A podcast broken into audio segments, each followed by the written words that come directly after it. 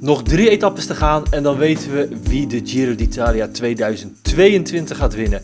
Een week geleden waren er nog 12 kanshebbers voor het roze. Heel wat bergen en hoogtemeters verder is dat lijstje geslonken tot drie namen. Wat hun kansen zijn en met welke scenario's zij rekening moeten houden, gaan we eens uitgebreid bespreken in deze podcast. Mijn naam is Maxi Morsels Ik ben Juri Einsen. en dit is de Wielerflits podcast.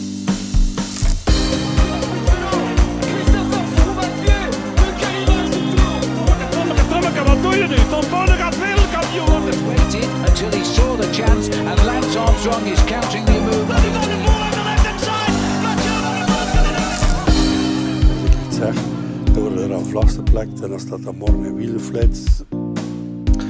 Ja, Carapaz, Hindley, Landa. Daar stond eerst ook Almeida tussen. Eh, die is weggevallen. Dus we houden echt nog maar drie kanshebbers over voorlopig voor de Giro. Want daarnaast het gat ja, meer dan eh, bijna vier minuten op, eh, op Nibali. En misschien zijn er zelfs maar twee kanshebbers nog. Want het gat tussen Carapaz en Hindley is slechts drie seconden. En daarna is het meer dan een minuut verschil met Landa. Al zijn er nog heel wat bergen te gaan waar echt nog grote verschillen op gemaakt kunnen worden. Want even naar de waardeverhoudingen kijken, Jury. Dan zijn ze behoorlijk aan elkaar gewaagd. En zullen die hele grote verschillen niet meer gaan volgen. Nee, nee, normaal gesproken niet. Want eh, nou ja, bergop is er eigenlijk ehm, ja, niet één de betere van, eh, van de andere.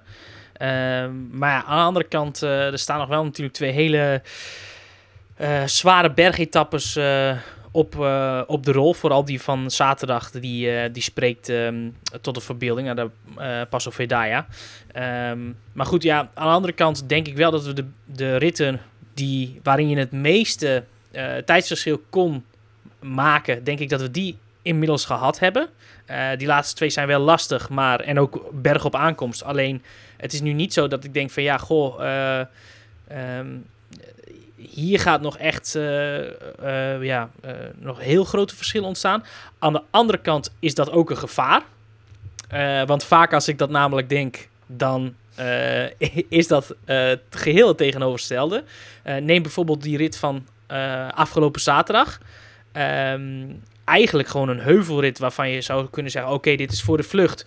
En er gaat voor het klassement niet echt iets gebeuren. Ja, en Bora Hansgrohe zet die hele etappe op zijn kop en die hele Giro eigenlijk eh, naar hun hand. Ehm, hè, echt de nummer eh, 11 al eh, bijna op 10 minuten van de winnaar aankwam.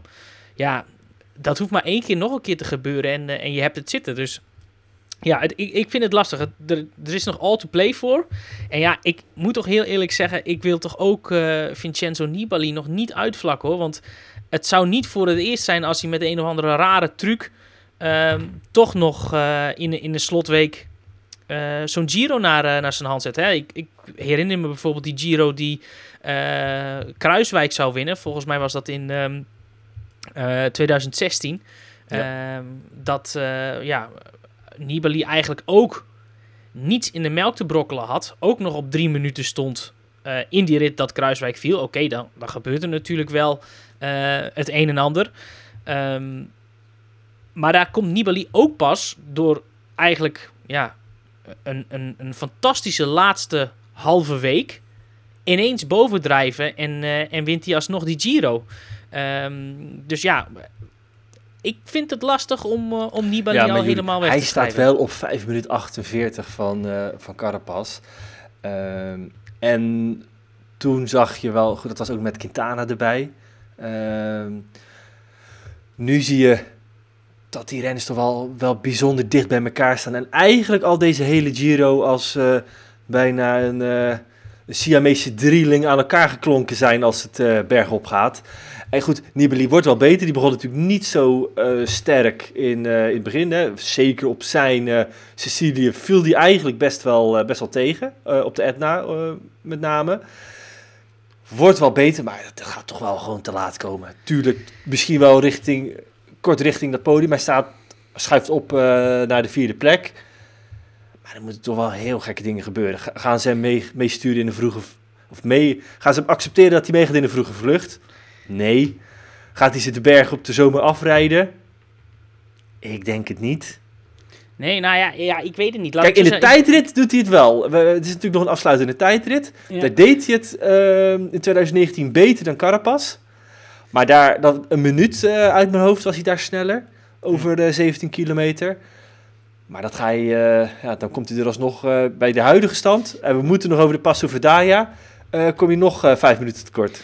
Ja, maar als, als ik toch kijk, hè, als we, we, we, nemen deze podcast op op donderdagmiddag. Ehm etappe 18 is bezig. Als ik terug ga naar 2016, naar de, de 18e rit, stond hij na de 18e rit. Dus na de 18e rit.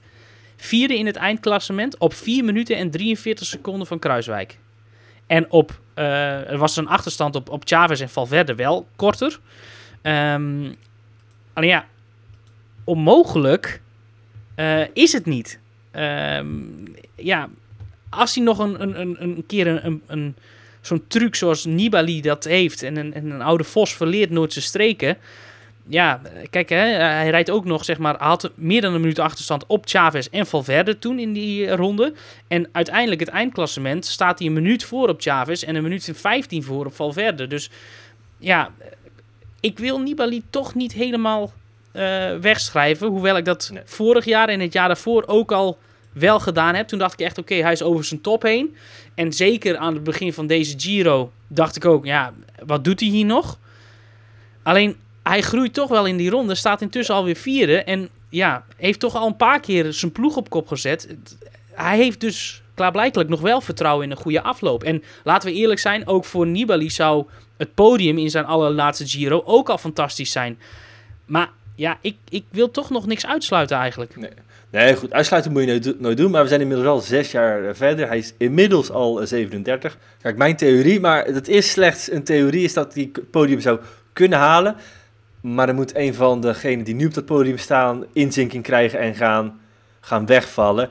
Dat het puur op basis van de huidige machtsverhoudingen ligt denk ik eh, redelijk in een plooi. En zou die nog podium kunnen halen als Landa, Hindley of Carapaz... Eh, zeker op de rit van zaterdag eh, totaal door het ijs gaan zakken. Maar ja, daar zijn nog voorlopig weinig, weinig tekenen van. Nee, maar in die zin wil ik alleen maar Simon Yates zeggen. En volgens mij weet iedereen dan genoeg. Ja, maar dat is hier een renner die al van uit de, ja eigenlijk, na de start al een beetje kwakkelde. Maar hele Ja, goede tijden natuurlijk gereden in Boedapest. ja, nee, maar ik, ik, ik doel dan op die Giro van 2018. eh, waar hij natuurlijk eigenlijk soeverein naar de eindzege leek te gaan. Ehm, alleen ook in, de laatste, in het laatste weekend eigenlijk... eh, ja, door het eraan ja. onderdoor door het ijs zakte. En de- dus het kan wel. En eh, Nibali is wel zo iemand die dat wel... Of tenminste, Ja. de oude Nibali, de, de wat jongere Nibali, die was iemand... eh, Koen zei het van de week wel mooi. eh, die zei, ah, Nibali die gaat weer eens ervoor zorgen dat iemand het Giro verliest. Ja, ja En- en, kijk, heel veel renners hebben vaak één slechte dag. Nou, Nibali heeft hij denk ik al gehad op, op de Etna. Dat was gewoon een, een tegenvaller eh, voor hem. Van Carapaz, Hindley en Landa zijn nog geen grote slechte dagen geweest. Ja, of ze hebben die gehad op een, op, in een rit waar het niet... eh, ja, waar het niet echt te zien was, zeg maar. Hè? Noem maar bijvoorbeeld Bardet had ook een hele slechte dag. Eh, want heel DSM heeft kunnen maskeren in die rit 12 of 13. In ieder geval de rit voordat hij opgaf, dat hij Ja. ziek was. Eh, dus hè, voor hetzelfde geld heeft een van die andere renners ook zo'n dag gehad en, en is het gewoon niet opgevallen. Ja, en dan heb ik, dan heb ik het over de, de dagen dat zij het koersbeeld bepalen in de, in de bergritten. Daarvan hebben we het nog niet, eh, ja, nog niet gezien. Eh, nee, eh, dus, eh, dus dat, is het, ja, dat is het afwachten. Al vond ik wel dat eh, eh, Landa iets kraakte in die rit naar, eh, naar La Ehm, waar Hindley en, en, Carapaz, die sowieso op mij tot op heden de beste indruk maken, ehm, ja, dat toch net iets bovenuit steken. En wat ook wel logisch is, want dat zie je gewoon terug in het, eh, in het klassement. Ja, ja en nog tot slot over de, de klassementsmannen. Hindley gaat wat moeten proberen. Die gaat met een bonus aan de tijdrit moeten, moeten beginnen. Want in de huidige verhoudingen zou het gat... Hij staat nu tweede, alleen maar groter worden. Want Carapaz is niet te veel betere, maar toch wel de betere tijdrijder dan, eh dan Hindley. In ieder geval in, op basis van het verleden. Het daarmee eens? Ja, en ook als je kijkt wat ehm, het verschil tussen die twee was eh, in die tijdrit naar, even in Budapest, was zes seconden in het voordeel van Carapaz. Ehm, dus ja, normaal gesproken is Hindley niet de allerbeste tijdrijder. Hè. We herinneren ons ook nog die eh, Giro van 2020, waar hij natuurlijk op de voorlaatste dag aan de leiding kwam. Eh, in exact dezelfde tijd als Tao Gegenhardt. Nou, zo'n scenario is nu weer mogelijk.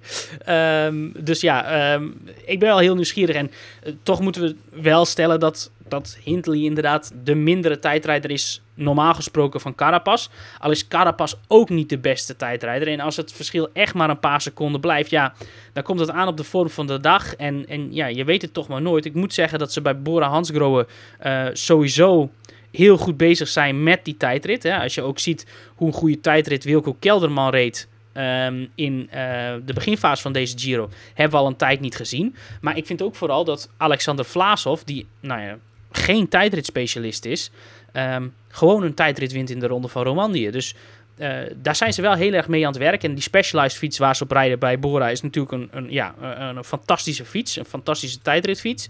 Ehm, ja, wie weet spreekt dat toch ook wel in het voordeel van Hindley. En ehm, ja, ehm, ik ben toch wel heel nieuwsgierig hoe die, hoe die komende dagen, hoe het zich verhoudt. Want Ja. voor hetzelfde geld komt het niet eens meer aan op die slottijdrit. Nou, en, en wat ook zo is, het is natuurlijk heel verleidelijk om te kijken naar 2020. Niet dat Gegenhard nou een waanzinnige tijdrijder is. Dus je zegt van ja, daar verloor hij al van, van Gegenhard. Dus ja, dat gaat nu eh, echt niks worden. Het zijn ook nog eens echt verschillende tijdritten. Eh, in Milaan was het toch redelijk behoorlijk vlak in 2020. Er zit nu nog een, een bergje in van eh 4,6 kilometer uit mijn hoofd. Eh 17,4 kilometer lang is die tijdrit. En eigenlijk sindsdien 2021 is gewoon een heel mager jaar voor Hindley geweest. Hebben we weinig resultaten van hem eh, gezien, veel tegenslag gehad. De tijdritten die hij daar heeft gereden, kun je redelijk weinig uit eh, opmaken. Dus het kan zomaar zijn, het is echt niet uit te sluiten, dat hij met het hele team eh, ze erop gewerkt hebben. Dat hij zomaar eens een, een poef gaat laten zien waar we, waar we geen rekening mee hebben gehad. Dat hij toch een, een truc speciaal gaat eh, tonen. Ja, met de huidige verschillen, drie seconden is echt alles speelbaar. Maar ze gaan natuurlijk ook weten dat op die Verdaya, eh, dat is een loodzware rit, drie puisten die beklommen moeten worden. Chima Coppi, dus twee keer ver boven de 2000 meter. Ja, ik weet niet, eh, het lijkt mij onwaarschijnlijk dat ze daar ook eh, aan elkaar eh, gekluisterd blijven zitten. Nee, dat denk ik ook niet. En wat in die zin, wat mij wel opvalt deze Giro, is dat Hindley heel goed daalt. Ehm, beter dan ik hem eigenlijk ooit heb zien doen. Neemt ook steeds in een favoriete groepje het voortouw in die afdaling. Nou ja, ehm, zet daarmee niet de anderen onder druk. Alleen, ja goed, daarmee straalt hij wel voor mij vertrouwen uit. En ehm, ja goed, als je iets minder daalt, zit je liever wat verderop in die groep. Ehm, en ja goed, met dat klimmetje, hè, bergop vind ik hem toch in ieder geval de evenknie met Carapaz. En, en ja, wie weet ligt de beslissing straks wel in die afdaling hier. Want als het echt dat verschil zo klein blijft, ehm, ja, eh, moet je toch ergens het verschil maken. En als dan ergens het verschil gemaakt kan worden, zou Hindley dat best wel eens kunnen doen in de afdaling. Helaas voor hem dan finisht eh, die laatste rit bergop op de Verdaya. Dat is een super lang, super steile klim. Dus dat betekent na de Chimacopi afdalen en vervolgens moet je hem eh, wel nog die, even uit mijn hoofd was ook meer dan 10 kilometer klimmen. Ga je dan wel dat, dat gat eh, moeten kunnen vasthouden. Nu heeft hij natuurlijk wel met Boegman en Kelderman twee renners die dat eh, daarbij zouden moeten kunnen assisteren. Als dat gaat gebeuren, dan wordt het wel een rit om op het puntje van de stoel te gaan zitten. Dus nou ja, hou daar rekening mee dat het zaterdag wel eens een spektakel gaat te kunnen worden. Even over afdalen. Dat is een mooi bruggetje wat we kunnen maken naar de Nederlanders. Want daar moeten we echt even bij stilstaan. We weten van, eh, van de Poel dat het een, eh, een van de meest begnadigde technische renners is op een fiets. Maar holy moly, wat kan die Gijs afdalen? Ja, en eh, eh, Martijn Tusveld eerder deze week al. Ik, eh, ik stond daar ook echt eh, versteld van, want eh, zulke lange afdalingen hebben we hier in Nederland niet. Dus eh, het is toch vaak iets wat je al van jongs af aan eh, ja, leert. Ehm, natuurlijk kun je het altijd leren, maar iemand die al vanaf zijn vijfde lange afdalingen moet rijden naar beneden, bij wijze van. en iemand die gaat dat pas voor het eerst doen op zijn vijftiende. Ja, die tien jaar, dat haal je niet zomaar in. Dus ja, ik, ik keek daar inderdaad wel eh, behoorlijk van op. Ik zag het ging wel bijna komen. Ja, ja, Van der Poel, hè? Nou ja, en, maar ook bij Leemreizen, die had een beetje, eh schatte die bocht een beetje verkeerd in. Waardoor er ook Van de Poel volgens mij eh, niet helemaal eh, op zijn plaats had hoe dat, hoe dat zat. En die, ja, die kon met een miraculeuze redding kon die nog zichzelf overeind houden. Terwijl ik ben ervan overtuigd dat als een, als een Hugh Carty in diezelfde positie was geweest, die had zeker over de vangrail heen gewipt. Ja, Mathieu Heijboer, de man die over de, de technische kant van eh, de fietsen gaat, eh, alle techniek bij eh, Jumbo-Visma, die, die, die tweette eh, dat het vooral het, het, het resultaat zag van het werk van Oscar Sainz. De daalspecialist die Jumbo-Visma en eigenlijk heel wat ploegen inhuurt om eh renners beter te leren dalen. Dus dat, dat, ze hebben daar bij de academy van de ploeg doen ze echt al aan daaltrainingen. En dat we dat hier in volle glorie konden bewonderen, dat dat eh, nou ja, geen windeieren heeft gelegd. Ja, en eh, afgelopen winter sprak ik ook eh, met een aantal eh, teammanagers die eh, ja, aan het doorselecteren waren. En daar viel het me steeds op dat ze zeiden van ja, kan niet dalen, kan niet in een peloton rijden. Dat ik dacht van ja, het is dus toch iets wat bij het, bij het totaalpakket van, van een wielrenner anno eh, 2022 hoort. Als je niet kunt dalen, ja, ga je gewoon niet, eh, niet profrenner worden. Dus wat dat betreft is het wel heel belangrijk. Dus ik vind het, vind het wel, eh, nou ja... ehm, bewonderenswaardig dat Jumbo-Visma al bij, eh, bij het development team aandacht aan, eh, aan dit eh, onderdeel van de wielersport schenkt. Ja, absoluut. Goed, we waren bij de Nederlanders. Ehm, en de vraag die ik jou, door jou zou willen laten beantwoorden, wie vind jij de beste Nederlander? In deze ronde? Eh, ja, Mathieu van der Poel. Nog meer dan Koen Bouwman, nog meer dan Tijmen Arendsman? Ja, dat denk ik wel. Ik vind eh, de manier waarop Van der Poel zichzelf ook in etappes etaleert die niet bij hem passen, ehm, ja, eh, bewonderenswaardig. Ehm, doet niets af aan de prestaties van Bouwman en, eh, en Arendsman, want ik vind ook dat Bouwman opnieuw heel goed in de ronde rijdt. Ehm, en die gaat gewoon, als het zo blijft, de, het bergklassement winnen. En er zijn echt maar heel weinig Nederlanders die dat ooit voor elkaar gebokst hebben. Ehm, dus dat, ja, dat is gewoon heel knap. Ehm, en Arendsman eh, eh, ook een fantastisch grote ronde.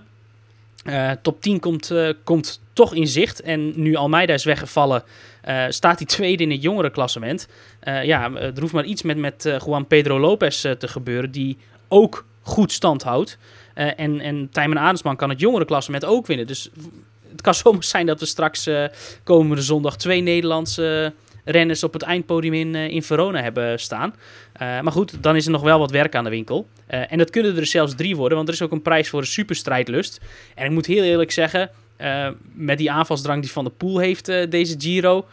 ondanks dat hij volgens mij nog niet één keer het rode rugnummer heeft gedragen als eh meest strijdlustigste renner van de dag...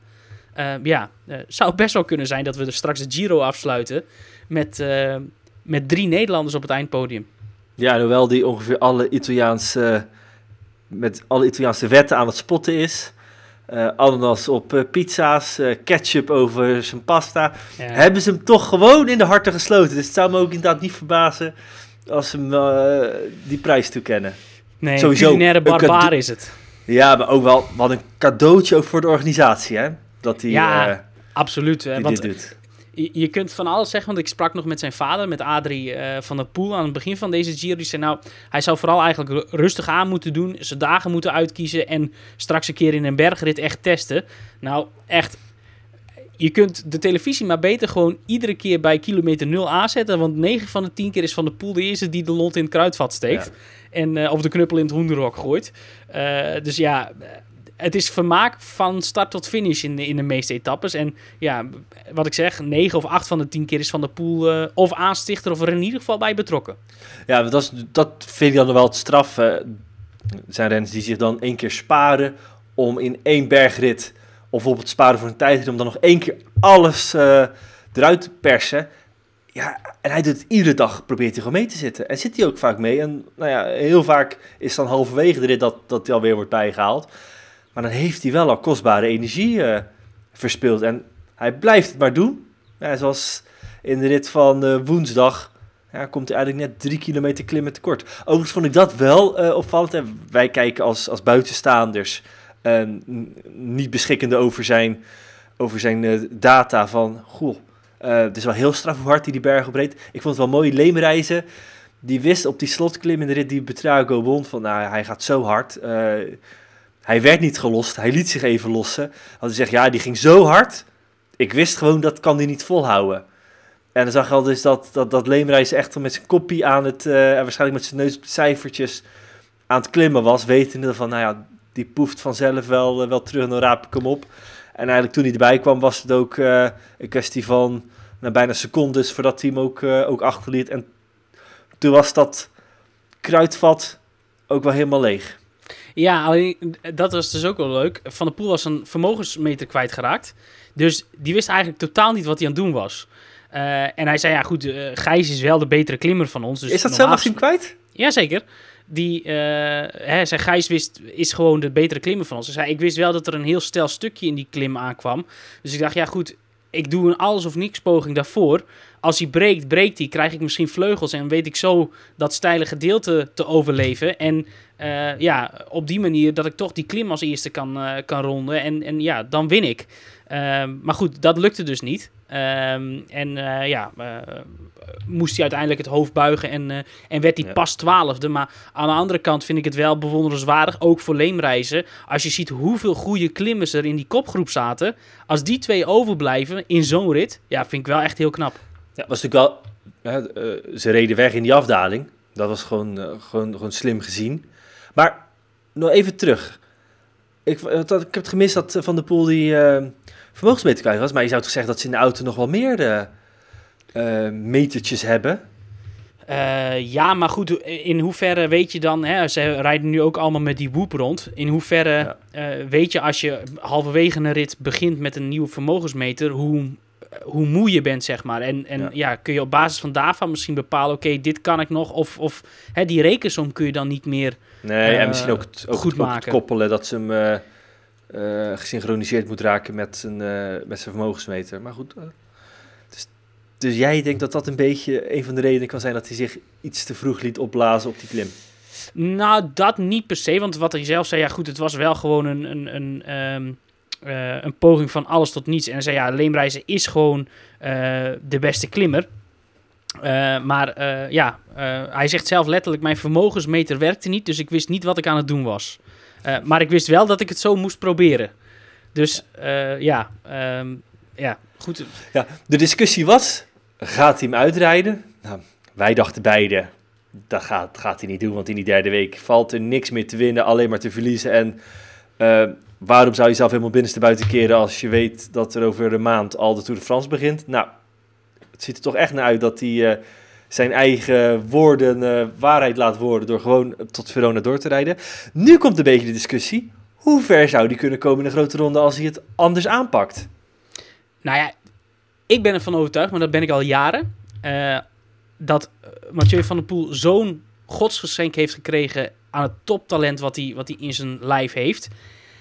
Als Bradley Wiggins zichzelf kan omturnen van een topbaanwielrenner naar een Tour de France winnaar. ehm, en als je ook ziet wat Wout van Aert kan in eh, de bergen in de Tour de France. Denk ik dat als hij het wil, eh, als hij het ervoor over heeft, en daar twijfel ik aan. Maar als hij het ervoor over heeft en hij zet een keer alles, alles, alles op om zich helemaal om te turnen. Want explosiviteit waar hij nu groot mee is, hoe ouder je wordt, hoe meer dat afbot. Maar talent vergaat niet. En ik denk als hij een keer alles op alles zet, als hij echt meer, veel meer in de kools gaat trainen en, en ja, gewoon een ander lijf krijgt, denk ik dat hij dermate veel talent heeft dat hij een schot zou kunnen wagen om een keer top 5 in een grote ronde te rijden. Ja, en dat betekent eh, wel dat dus zijn voorjaar, ja, dat hij in dat werk wel gaat moeten inleveren. Het gaat lichter moeten worden, misschien wat meer spiergewicht verliezen. Die explosiviteit inwisselen voor juist duurzaamheid op die bergen. Ja, nou, dat, dat, dat zal dan moeten. En dat is de vraag dus, A, wil hij dat? Want ik heb hem deze vraag wel eens gesteld. Dat is al wel vijf jaar terug. Moet zei van, ja, hè, toen, was, toen was ik op dat moment bij hem dat Dumoulin eh die Giro aan het winnen was in 2017. Dus dan heb ik hem gevraagd wat hij nu doet. Zou jij nog, zou jij zoiets willen? Hè? Toen was, er nog, was hij nog niet eens prof. Toen zei nou, dat zou ik niet willen, want dan moet je zo lang geconcentreerd rond blijven rijden. dat is niks voor mij. Ik wil me richten op de klassiekers. Nou, dat heeft hij ook gedaan. Ehm, maar goed, ik ben wel nieuwsgierig nou, naarmate die ouder wordt, of die zienswijze verandert. Of hij straks toch niet zo heeft van, ja god, in het voorjaar heb ik al zoveel gewonnen. Eh, laat ik eens een keer wat anders proberen. Ehm, ja, als Kijk, ik het toch is ook natuurlijk wel een transformatie die je niet even voor één seizoen doet. Nee, dat klopt. Dus het is wel de vraag, wat wil hij? Kijk, als hij, Ja. ik noem maar wat, hè. hij heeft nu eh, dingen gewonnen. De Ronde van Vlaanderen twee keer. Parijs-Roubaix zal hij heus nog een keer graag willen winnen. Ehm, ja, er zijn ook rondrenners er die wereldkampioen worden. Ja, er zijn natuurlijk een paar grote afspraken nog, eh, nog open. Milaan Sanremo is nog niet gelukt. Nee. Roubaix is nog niet gelukt. Ik denk dat het heel wat makkelijker was geweest als die wel al waren afgevinkt. Ja. Dat ja, nee, dat is zo. zijn Alleen, nadeel is. Dat klopt, want en hij vindt ook gewoon alles leuk. Kijk, dat hij nu iedere dag meekoerst, dat komt omdat hij daarvan houdt. Hij, hij houdt ervan om erin te vliegen. En ook dat, hè, en dat kenmerkt wel de renner Mathieu van der Poel, ook dat, ehm, ja, zal hij dan kwijt moeten raken. Want hij zal gewoon zoveel mogelijk energie moeten sparen. Maar ik denk nogmaals dat hij je talent heeft. Ja. Hij heeft het talent dat het kan. De Ja. vraag is alleen... Bedenk eventjes, hè. Deze koerswijze als klassementsrenner. Ja, dat, dat is onmogelijk. Nee, maar, nou, maar ik denk vooral dat... eh, nee, maar stel voor dat hij dat, dat, dat wel zou kunnen. Hij kan natuurlijk vaker erin vliegen. Dat heeft hij ook als, als eh, klassieke renner gedaan. Iedereen blijft altijd zitten en pas in de laatste 50 kilometer gaat het gebeuren. Van de Poel die gaat op 120 kilometer gewoon erin vliegen. Dus wat, zo, wat dat betreft heeft hij het in het klassieke werk de Poel al eh, op een hoop gegooid. Stel je voor dat hij dat ook zou kunnen in een klassementspositie. Zijn concurrentie die wordt gek. Want wat, eh, je weet niet wat er gaat gebeuren. Nou, maar goed, Evenepoel en Pogacar zijn er ook niet vies van. Dus wat dat betreft, eh, ja, eh, denk ik niet dat dat... Maar goed, in, met de traditionele rondrenners, uh, pak bijvoorbeeld een Roglic. Ja, die, die zal dan niet zo snel misschien die, eh, die wapenstok oppakken. Alleen, ja, goed. Nogmaals, ik denk dat, het, dat Van der Poel eh, qua talent zo dermate getalenteerd is dat hij het zou kunnen. Ehm, maar de vraag is echt, wil hij het? En, en daar twijfel ik wel aan, want ik weet nog dat hij... Daar staat heel was het spel, hè? Daarom, en, en eh, ik weet nog dat hij eh, eh, bij een persconferentie, volgens mij was het na de Ronde van Vlaanderen, dat er ook iemand vroeg, en een grote ronde, zou je dat? Nee. Ja. Daar brak hij in, dan zei je meteen nee. Dus ik, ik denk dat hij het niet wil. Maar aan de andere kant, hij traint veel meer in Spanje tegenwoordig. Hij is al een paar keer op hoogtestage naar Livigno geweest. Dat bevalt hem steeds beter. Ja, Van der Poel is ook iemand die van uitdagingen houdt. Als op een gegeven moment straks in het voorjaar blijkt van... Goh, ja, eh, ik heb hier eigenlijk mijn, mijn ding wel gedaan. Ehm, en hij kiest niet bijvoorbeeld eh, fulltime voor mountainbiken. Want dat zie ik hem ook nog wel doen. Ja, eh, zijn vader maar heeft ook wel eens gezegd... ja, de combinatie à la Van Aert is, is misschien wel de sweet spot voor hem, hè? Dan ben je gewoon eh, een van de beste in het voorjaar. En ook in de grote rondes kan je op jouw manier een stempel drukken. Eigenlijk een beetje Ja. zoals hij het nu doet. Maar dan wel nog met misschien het winnen van een bergrit. En het winnen van tijdritten. Ja, maar goed, dat is dus ook het punt. Kijk, zijn tijdrit vorig jaar in die Tour was niet slecht. Zijn tijdrit nu in die Giro, oké, was kort, maar was ook niet slecht. Ehm, hè, zijn vader heeft al gezegd, oké, hij wil graag in vier disciplines ooit in zijn carrière wereldkampioen worden. En het liefst allemaal in hetzelfde jaar. Ik zei drie. En toen zei zijn vader wel eens van, ja goed, misschien moet hij er een vierde bij nemen. Want ik ben ervan overtuigd dat hij ook in een tijdrit, hè, dat is puur op vermogen rijden. Eigenlijk is dat gewoon een cross. En een tijdrit is nooit langer dan een uur. Er zijn maar heel weinig tijdritten die langer dan een uur zijn. Ehm, ja, goed. eh, Misschien dat hij dat er ook ooit nog wel bij kan nemen. En als je toch ook weet dat hij nooit op die tijdritfiets traint. Vrijwel nog nooit in een windtunnel heeft gezeten. Maar toch in een, in een grote ronde, zoals de Giro, waar iedereen op topniveau is, tweede wordt. En vorig jaar in de Tour vijfde wordt. Ja, dan is daar nog wel winstmarge te behalen. En eh, ja, goed als je dat kunt, als je op een gegeven moment een goede tijdrit kunt rijden en je weet dat vermogen ook om te zetten naar eh, een kliminspanning, ja, wie weet. Alleen nogmaals, dat valt een staat mee of je dat wil. En ik denk eerlijk gezegd, nu op dit moment in zijn carrière, dat hij daar niet voor open staat. In de podcast Kopgroep die ik eh, maak samen met, eh, met onder andere Mart Smeets, die zei eh, van de week, ja, Renners van der Poel heeft eigenlijk niks te zoeken in een grote ronde. Nou, daar is hij inmiddels gelukkig van op teruggekomen en heeft ook wel gezien van nee, dat heeft hij zeker wel. En, en dat is het natuurlijk wel, hè. Zo van der Poel, het zijn wel de renners die dag in dag uit zo'n grote ronde kleuren. Moet hij dat allemaal gaan op, eh, eh, die manier van koersen op het spel zetten voor misschien een vijfde plek en, en heel misschien ietsje hoger? Nee. Dus wat dat betreft is het, eh, zou ik hem wel adviseren van hou het bij wat je goed doet. En, en zo'n klassement, ja, je weet je, de afbreukrisico is wel zo enorm, hè. Want dan ben je en in het voorjaar eh, wordt het een stuk lastiger. En je weet echt niet met zekerheid of het überhaupt gaat lukken. Nee, dus dat, dat is het. En wat ik zeg, ik denk niet dat hij het wil. Maar Ja. nogmaals, mocht de komende twee jaar wel een aantal vinkjes op zijn palmarès staan die hij graag zou willen hebben. En ja, hij zoekt een nieuwe uitdaging en die vindt hij bijvoorbeeld niet in het mountainbike of in de cross. Ja. Ja, hij is wel gek genoeg om het dan te doen. Goed, we moeten wel nog even stilstaan bij eh Koen Bouwen, want die man die staat op punt de bergtrui te winnen. Er zijn ongeveer nog evenveel, of ja, nu iets minder punten te verdienen dan hij al bij elkaar heeft gehaald. Zijn nu nog eh, minder dan, eh, dan 200 punten eh, te verdienen. Hij heeft er 200, over de 200 eh, binnen. Dubbel zoveel als Chicone. Dus met één mouw in het blauw in Verona staat hij al. Koen Wat ik me Mouwman. nu wel afvroeg, hè, wat, sorry? Koen Mouwman. ja, Blauwman en Mouwman. Ja. De woordspelingen zijn makkelijk te maken met, eh, met zijn naam. ja en Hey. als je hem verliest is het Koen Ouwman. Zo'n oude Hij is echt een geboren knecht. Dat is een be- een beetje een lelijk woord. eh, dienende renner bij... eh, jij, jij hebt altijd een hekel aan het woord knecht. Ik snap dat nooit zo goed, want dat is gewoon een term die ingeburgerd is. Jij hebt het Ja, altijd met- over helpers. Ja, het, het is zo een beetje denigrerende term. Alsof hij minder is dan de renners waarvoor hij dient. Ja, zo. En dat is je noemt mij toch ook altijd gewoon knecht? Ja, oké, maar in jouw geval Ja. is dat natuurlijk wel die situatie het geval, hè?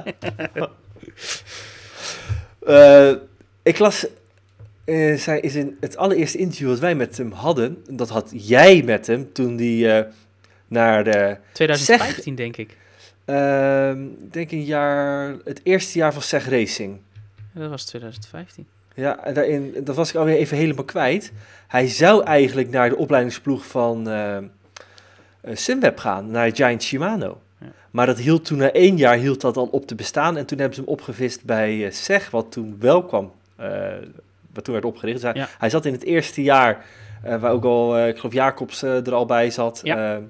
Heeft hij daar maar kort gezeten, want daarna werd hij dus al, eh, al prof bij, eh bij Jumbo-Visma. Eerst stagiair en toen, eh, toen prof. Maar daarin zei hij al, hij was het nog geen, geen, niet eens prof, van ik ben eigenlijk een renner die ja, eigenlijk ervan houdt, of het is mijn missie om andere renners te dienen. Ja. En je ziet heel veel renners die worden een beetje gekneed, allemaal met de ambitie om kopman te worden en uiteindelijk uiteindelijk in die dienende rol. Maar hij heeft dat al vanaf het eerste moment Ja. gezegd. Hij heeft al een contract nog voor twee jaar, dus nou ja, zijn waarde staat buiten kijf bij Jumbo-Visma. Ja. Nou ja, nu met eh, totaal onvoorzien de drie kopmannen ja, om verschillende redenen eh, weggevallen in het klassement, waardoor hij nu kansen krijgt. En stijgt gewoon boven zichzelf uit. Ritzegen en nu die bergtrui. Maar dan dient zich de vraag op, hoe nu verder? Gaat hij na die Giro weer gewoon verder met de rol die hij eigenlijk heel tevreden mee is? Ja. Of moet hij toch eens naar Richard Plug gaan en zeggen van kijk eens, ik ben misschien meer dan die man in de bergen voor de kopman. Ja, nou, dat denk ik niet. Ik denk dat Koen heel goed weet waar zijn kwaliteiten liggen. Eh, hij zei bijvoorbeeld ook nog na die ritzegen in de, in de Giro kwam er ook nog een vraag van ja goed, moet jij niet naar de Tour? Hij zei nee, want daar mogen maar acht renners bij en ik hoor niet bij de beste tien renners van Jumbo-Visma. Dus dat, dat wordt hem gewoon niet. Eh, Koen weet wel heel goed wat hij wel en niet kan. En dat is wel knap. Ehm, dat hij nog lang aan, eh, aan Jumbo-Visma eh, verbonden blijft, vind ik niet raar. Eh, want je hebt nu dus Kruiswijk, Jos van Emden, Robert Geesink als cultuurdragers eigenlijk binnen die ploeg. Maar eigenlijk is Koen gewoon de volgende generatie eh, van die cultuurdragers. En ja, weet je, je zag ook aan Dumoulin, die zei op een gegeven moment... oh, ik vind het nog veel mooier dan zelf winnen. Als er iemand is die ik het, die ik het allermeest gun, is het Koen Bouwman. Ehm, omdat hij gewoon altijd... Hè, dus hij is altijd vrolijk, altijd goed spraaks. ehm, heel nederig, heel, eh, een heel sociaal persoon... ehm, die goed weet wat hij kan en wat hij niet kan. En als zo iemand, als je die in de ploeg hebt, ja, dat is gewoon een fantastische eh, kracht. En ja, eh, als je dat zelf ook zeg maar weet, dan ja, ik denk niet dat Koen de persoon is die straks inderdaad naar Richard Plug gaat zegt... Yo, Richard, luister eens, die koers in Canada, daar kan ik met mijn sprintje. Daar ga ik kopman spelen. Ja, da- dat zie ik gewoon niet gebeuren. Maar het is wel echt heel knap. En ehm, ja, ik herinner me inderdaad ook nog dat, dat, dat hij dat toen destijds ook al zei. Ik weet ook nog, dat is ook iets soort stoms, maar ik weet nog waar ik was toen dat interview deed. Eh, ik liep toen stage bij, eh, bij de KVB en ik zat ehm, in de kost bij eh kennissen in Amersfoort. En daar deed ik, nou, die hadden hun zolder ingericht als, als zeg maar kamer voor mij. En ik weet nog dat ik dat interview dus deed op de speaker, want ik nam het op. En, ehm, en Jille, bij wie ik toen in de kost zat, die was op dat moment, wist ik niet, want ik was daar niet op aan het letten. Die was toen, ehm, ja, de was aan het doen, want de wasmachine en de droger die stonden daarboven dus ook. Eh, en die, ja, goed, die wist niet wat ik aan het doen was. Dat ik een interview aan het doen was, maar niet met wie. Dus ik had dat interview later, eh, twee dagen, drie dagen later geplaatst. En eh, toen kreeg ik nog een appje van Jille, weet ik nog. Hij zei, dit is echt wel bijzonder. Ik zei, ik heb je dat interview horen doen, maar wat ik hier lees, hoor ik diegene zeggen. Hij zei, maar dat is net de stijl die ik graag hanteer. Ik wil graag als iemand een bepaald, bijvoorbeeld ook een bepaald woordje gebruikt, vind ik het heel leuk om dat woordje ergens in te Ja, gebruiken. maar ik weet gewoon woord voor het uittikken, Juri. Dat, dat, dat is interviewen. Ja, ja, dat is het. Maar goed, er zijn ook natuurlijk andere journalisten die hebben een andere stijl en die, die maken er een eigen tekst van. eh, wat hun stijl is. Alleen ik vind het heel.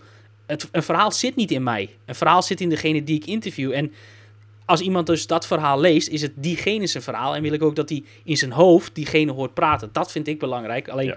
Dat weet ik nog heel goed van toen dat Jille dat zei van... Ja, dit, dit, dit vind ik heel bijzonder om te horen dat het dus zo werkt. Ik zei nou, Ja. ik zei, het werkt niet altijd zo. En wat mij ook opviel aan dit interview, was dat ze toen al veel te lang zijn.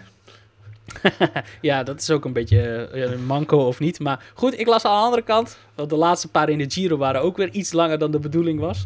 Eh, maar dat het wel gewaardeerd werd. Dus dat, daar houd ik me dan maar aan vast. Heel goed. Ja, ehm, nee, terug naar de Koen Bouwman. Ik denk, eh, ik ben het helemaal met je eens. En hij zal, eh, we, we gaan het hem binnenkort eens vragen. Het is jammer dat we nu even niet in de Giro zijn, maar we moeten de komende periode na afloop zeker eens eh, een verhaal met hem gaan maken. Mijn vermoeden is ook, die denkt, ik heb nu mijn moment of fame. Lees En je mijn dus- verhalen überhaupt wel? Ehm, het Ik heb er twee en dagen het- terug potverdomme nog één met hem gemaakt. Het begin en het eind. ja, oké. Ja, wat was te lang zeker. Precies. Nee, nee, maar even puur over zijn rol. Ja, ja zo. Eh, Nee, ja. Hoe, die, hoe die verder gaat. ja, nee, dat is in- eh, zeker interessant. Ja, dan Juri, even iets heel anders. Eh, de transfermarkt is al behoorlijk eh, op dreef. Daar hebben we het eh, in een eerdere podcast ook wel eens bij stilgestaan. En nu zijn er alweer twee jonkies eh gerecruiteerd bij eh, twee Wulterploegen. Twee eh Midden-Oosten ploegen. Ik moet zeggen, ik kende er eentje, heb ik nog nooit van gehoord. Die andere wel, want het is een veldrijder. Eh, jij mag eens eventjes gaan duiden wie het zijn. M- ik ga ook hopen dat ik het goed uitgesproken. Matevs Govkar? Ja, Go- Gove- Govekar, dacht ik. Is het. Govekar. Ja. Die gaat naar eh Bahrein. En Jan Christen, pas 17 jaar, gaat uiteindelijk naar UAE Emirates. Hij is de huidige beloftekampioen veldrijden. Rijdt al voor de ploeg met een fantastische naam Pogi Team. Opleidingsploegje wat vernoemd is naar eh Pogacar. En ook een beetje de satellietploeg is van de Emirates. Dus zijn overstap is geen hele grote eh, verrassing. Maar meervoudig kampioen veldrijden in eh, Zwitserland. Hij doet aan baanwielrennen, tijdrijden en zit ook nog op de mountainbike. Nou, dan ben je in beginsel al completer dan Van de Poel. Ja, je zou het eh, zeggen, want die heeft nooit op de, op de baan gefietst. Maar eh, nee, ja, eh, Jan Christen is een, is een heel, heel, heel groot talent. Ehm, komt ook bij de ploeg van de gebroeders Roodhoofd weg. Want die reed voor, voor ICO Enerterm in, de, in de winter. De opleidingsploeg, of de, eigenlijk de crossacademie van, van Alpecin Phoenix. Ehm, en reed dus nu eh, eh, ja, eh, sinds dit jaar op de weg bij, bij Pogi Team. Bij ja, de Sloveense, ehm, eh, het Sloveense initiatief gesteund door, door Tadej Pogacar.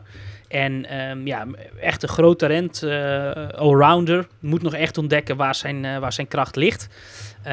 Maar ja, het staat on onomwonden vast dat hij eh, ja, eh, het goed gaat doen. Hij heeft ook nog een oudere broer, Fabio. En die reed dus ook bij, eh, bij ICO eh Enerterm. Maar daar lagen ze een beetje mee in de clinch. Dat was een beetje een, ehm, een ja, ik zal niet zeggen moeilijke jongen, maar het was niet die, die samenwerking verliep niet vlekkeloos. En ja, dat was wel een beetje een package deal, zoals je die bijvoorbeeld ook met, met Peter en Jura Sagan hebt, met, met Mathieu en David van der Poel ook bij diezelfde ploeg.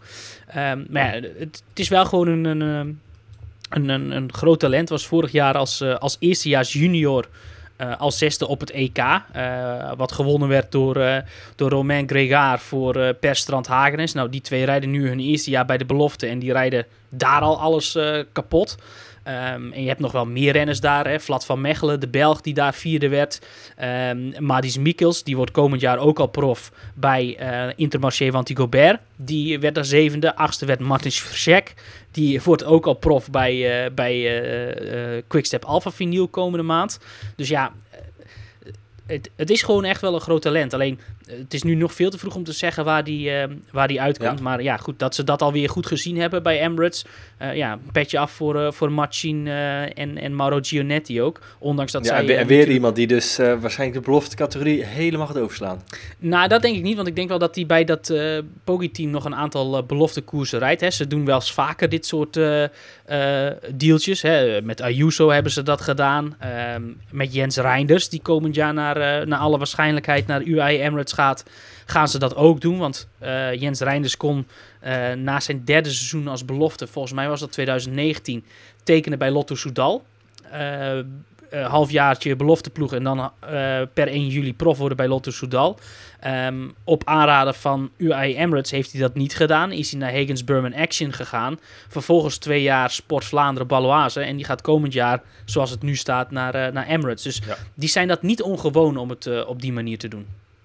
Dan nog even Govercar, Ehm, golfcar. Ja, golfkar. Eh, begrijp ik eigenlijk helemaal niet van dat hij nu in één keer halverwege het seizoen prof wordt. Want ehm, ja, eh, het Sloveense wielrennen eh, bij de jeugd is niet per se eh, outstanding op dit moment. We, natuurlijk hebben we Pogacar gehad. Eh Mohoric is natuurlijk ook nog niet zo oud. Je had Ziga Jerman, die ehm, eh, vorig jaar, of eh, tenminste de laatste jaren best wel goed deed. Alleen die is inmiddels gestopt. Een boezemvriend van Pogacar. Maar deze Govikar, ja, eerlijk gezegd, ik kon hem eigenlijk niet. Ehm, ik ken hem wel van... Ja, ja, ja. Ik ken hem wel als naam... eh, ik ken hem wel als naam, zeg maar, omdat ik altijd in die belofte eh, selecties voor die belofte voorbeschouwing wel altijd alle selecties doorspit of ik niemand mis. Ehm, dus ik kende zijn naam wel, maar ehm, ja goed, eh, hij heeft bij onze website nog nooit gehaald en ik zal niet pretenderen dat ik alles weet van, van belofte, maar ehm, ja, hij was mij Nou, niet da- dan echt, zeg ik het. Heeft hij op wielenflits gestaan, dan is het nobody. Want niet in een voorbeschouwing van een beloftekoers voorkomen. Ja, dan tel je niet mee, Juri. Met eh 600 outsiders die jij eh, altijd vernoemt. Is altijd iedereen wel een keertje, al is het in de kattenkoers, al is het in de Ronde van Vlaanderen onder 23 of de ZLM Tour eh, beloftekoers. Iedereen is wel een keertje genoemd als het ook maar een beetje naam heeft. Dus Ja. ik vind dit toch wel een red flag. Ja, da- dat. En ik heb dus ook nog zijn, eh, ehm, ja, eh, zijn uitslagen er eens bij gepakt. Ik vond ik ook niet heel indrukwekkend. Tot vorig jaar, zeg maar, eh, hè, wordt hij op een gegeven moment in een, in een grote beloftekoers in de eh, Gran Premio Sportivi di Poggiana. daar werd hij een keer vijfde. Maar goed, daar waren ook niet de allergrootste namen van voor. Ja, Lewis Esky en, en Filippo Baroncini die daar tweede en derde worden. Maar voor de rest was het ook niet een echt Ja. grote rittenkoers. En dan, ja, daarna werd hij nog vijfde in de Trofeo Matteotti, een profkoers die gewonnen werd door Trentin. En pas eigenlijk dit voorjaar dat we echt eh, ja, een beetje van hem horen. Maar aan de andere kant, dat was in Trofee Porec en de Istrian Spring Trophy, twee Kroatische wedstrijden. En in de eh 1.2 Sloveense koers, de Slovenia Istrian Grand Prix. Ja, het Ja. zijn ook niet de grootste wedstrijden. Dus ik ben wel heel erg benieuwd wat deze gast dan eigenlijk kan. Maar ik moet je ook nog even aan herinneren, de laatste keer dat iemand, eh jij zegt van ja, ik, ik moet het eerst maar eens zien of hij wat ging presteren. je weet al waar ik naartoe ga, hè? Ja, ja, ja, zeker. Terwijl ze zeggen, ja, nee, deze jongen, ik, ik weet het niet. Hij heeft nog niks laten, hij heeft niks laten zien bij de belofte. Was ook geen verrassing, want hij had, heeft helemaal niet bij de belofte gereden. Nee. Maar het was, Remco Evenepoel. precies. Dus dit kan ook. Ja. Of red flag, dit wordt helemaal niks. Nee. Of hebben hier het nieuwe wonder eh, gevonden Ja, wat naar Bahrein gaat. lijkt mij stug, want ook in andere disciplines komt zijn naam voor mij nog niet heel erg Nee. voor. Maar voor hetzelfde geld is het wel. Zit- eh, zit er te een heel Eh, grote. Ja, ja. nee, maakt niet uit, maar zit er een heel grote motor in. die er gewoon nog niet uit is gekomen in koers. Dat kan natuurlijk. Alleen, ja, ja daar zou het een laadbloeier zijn. En het kan ook andersom zijn. Ik, ik, in, in de kopgroep, de podcast, daar heb, wordt altijd de nummer 69 besproken. Eh, hele leuke rubriek, want dan ga je naar renners die eigenlijk eh, ja, eh, vaak als veredeld pelotonvulling meerijdt. Die zie je de hele dag niet. Doen waarschijnlijk hun werk, maar je ziet ze niet in beeld rijden. En als je dan vaak gaat, even gaat terugkijken van wat, wat zijn het renners? Keer op keer fantastisch bij de belofte, maar niet doorgegroeid met diezelfde prestaties bij de profs. En hoeveel profs kunnen wij opnoemen waar het andersom is geweest? Hè? Niet denderend bij de junioren belofte, maar steengoede goede profs geworden. Dus het een sluit het ander eh, vaak niet uit. Je hoeft niet vaak, ik zou eerder bijna zeggen, de allerbeste beloftes worden vaak geen mega goede profs. Hè? Eh, we weten nog, Telefini is iemand die zal de rest van mijn leven bijblijven. Ja. Deed alles op het hoofd bij de belofte. Het is er nooit volledig uitgekomen bij de profs.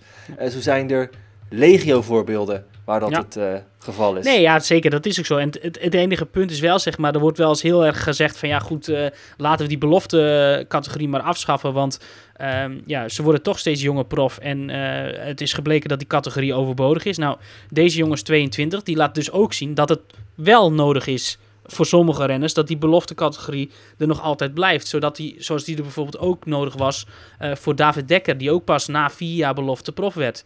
Ehm, dus eh, nogmaals, die categorie moet er echt niet af. Ja, en er zit er nu weer, eh, weer een Nederlander aan te komen. Van de week weer gewonnen in de Flash du Suter. Als je naar diens uitslagen kijkt, 22 jaar, die doet het ook bijzonder goed.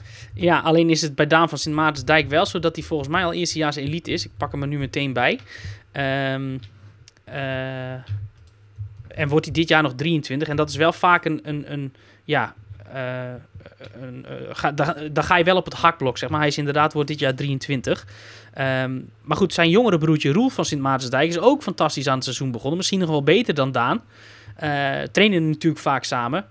Maar ik zie dan Roel van Sint Maartensdijk eerder die overstap maken dan Daan, Ja. om, om eerlijk te zijn. Maar goed, Ja. er is bijvoorbeeld Dan- ook... Neem bijvoorbeeld Joren Bloem van Ablok. Eh, ja, was ook net als eh, Gijs Leemreizen. Die komen van dezelfde club, van Sensa Canjons voor Canjons uit eh, de Achterhoek. Die maakt dit jaar de overstap naar het continiveau. Gaat voor het eerst serieus werk maken van zijn trainingen. Ja, die rijdt ook het ene topresultaat naar het andere. En dat is samen met Roel van Sint Maartensdijk... ehm, iemand die komend jaar gewoon zijn profdebuut gaat maken.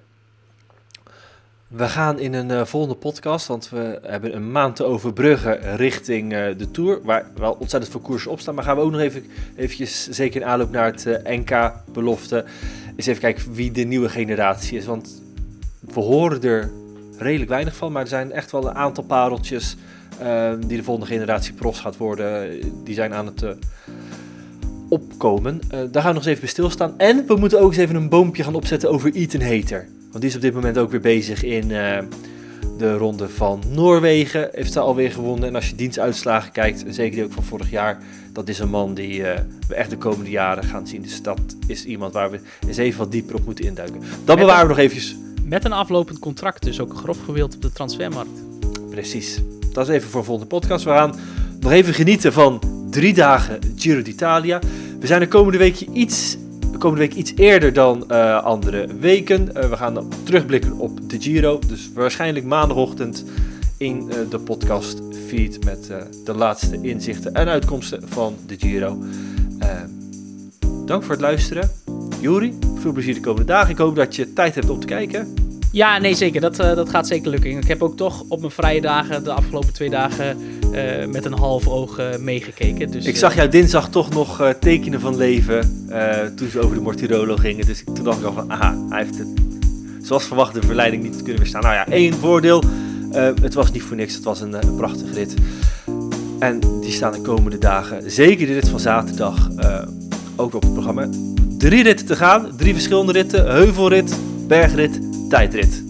Nou, dat wordt, Eindwinnaar Jai Hindley. Ik blijf bij je karpas. Goed, dank voor het luisteren en graag tot de volgende Benefits podcast. Ciao!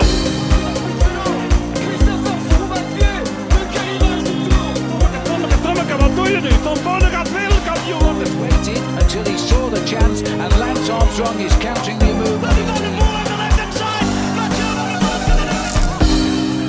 Zeg, door er aan vlagste plek en als dat dan morgen in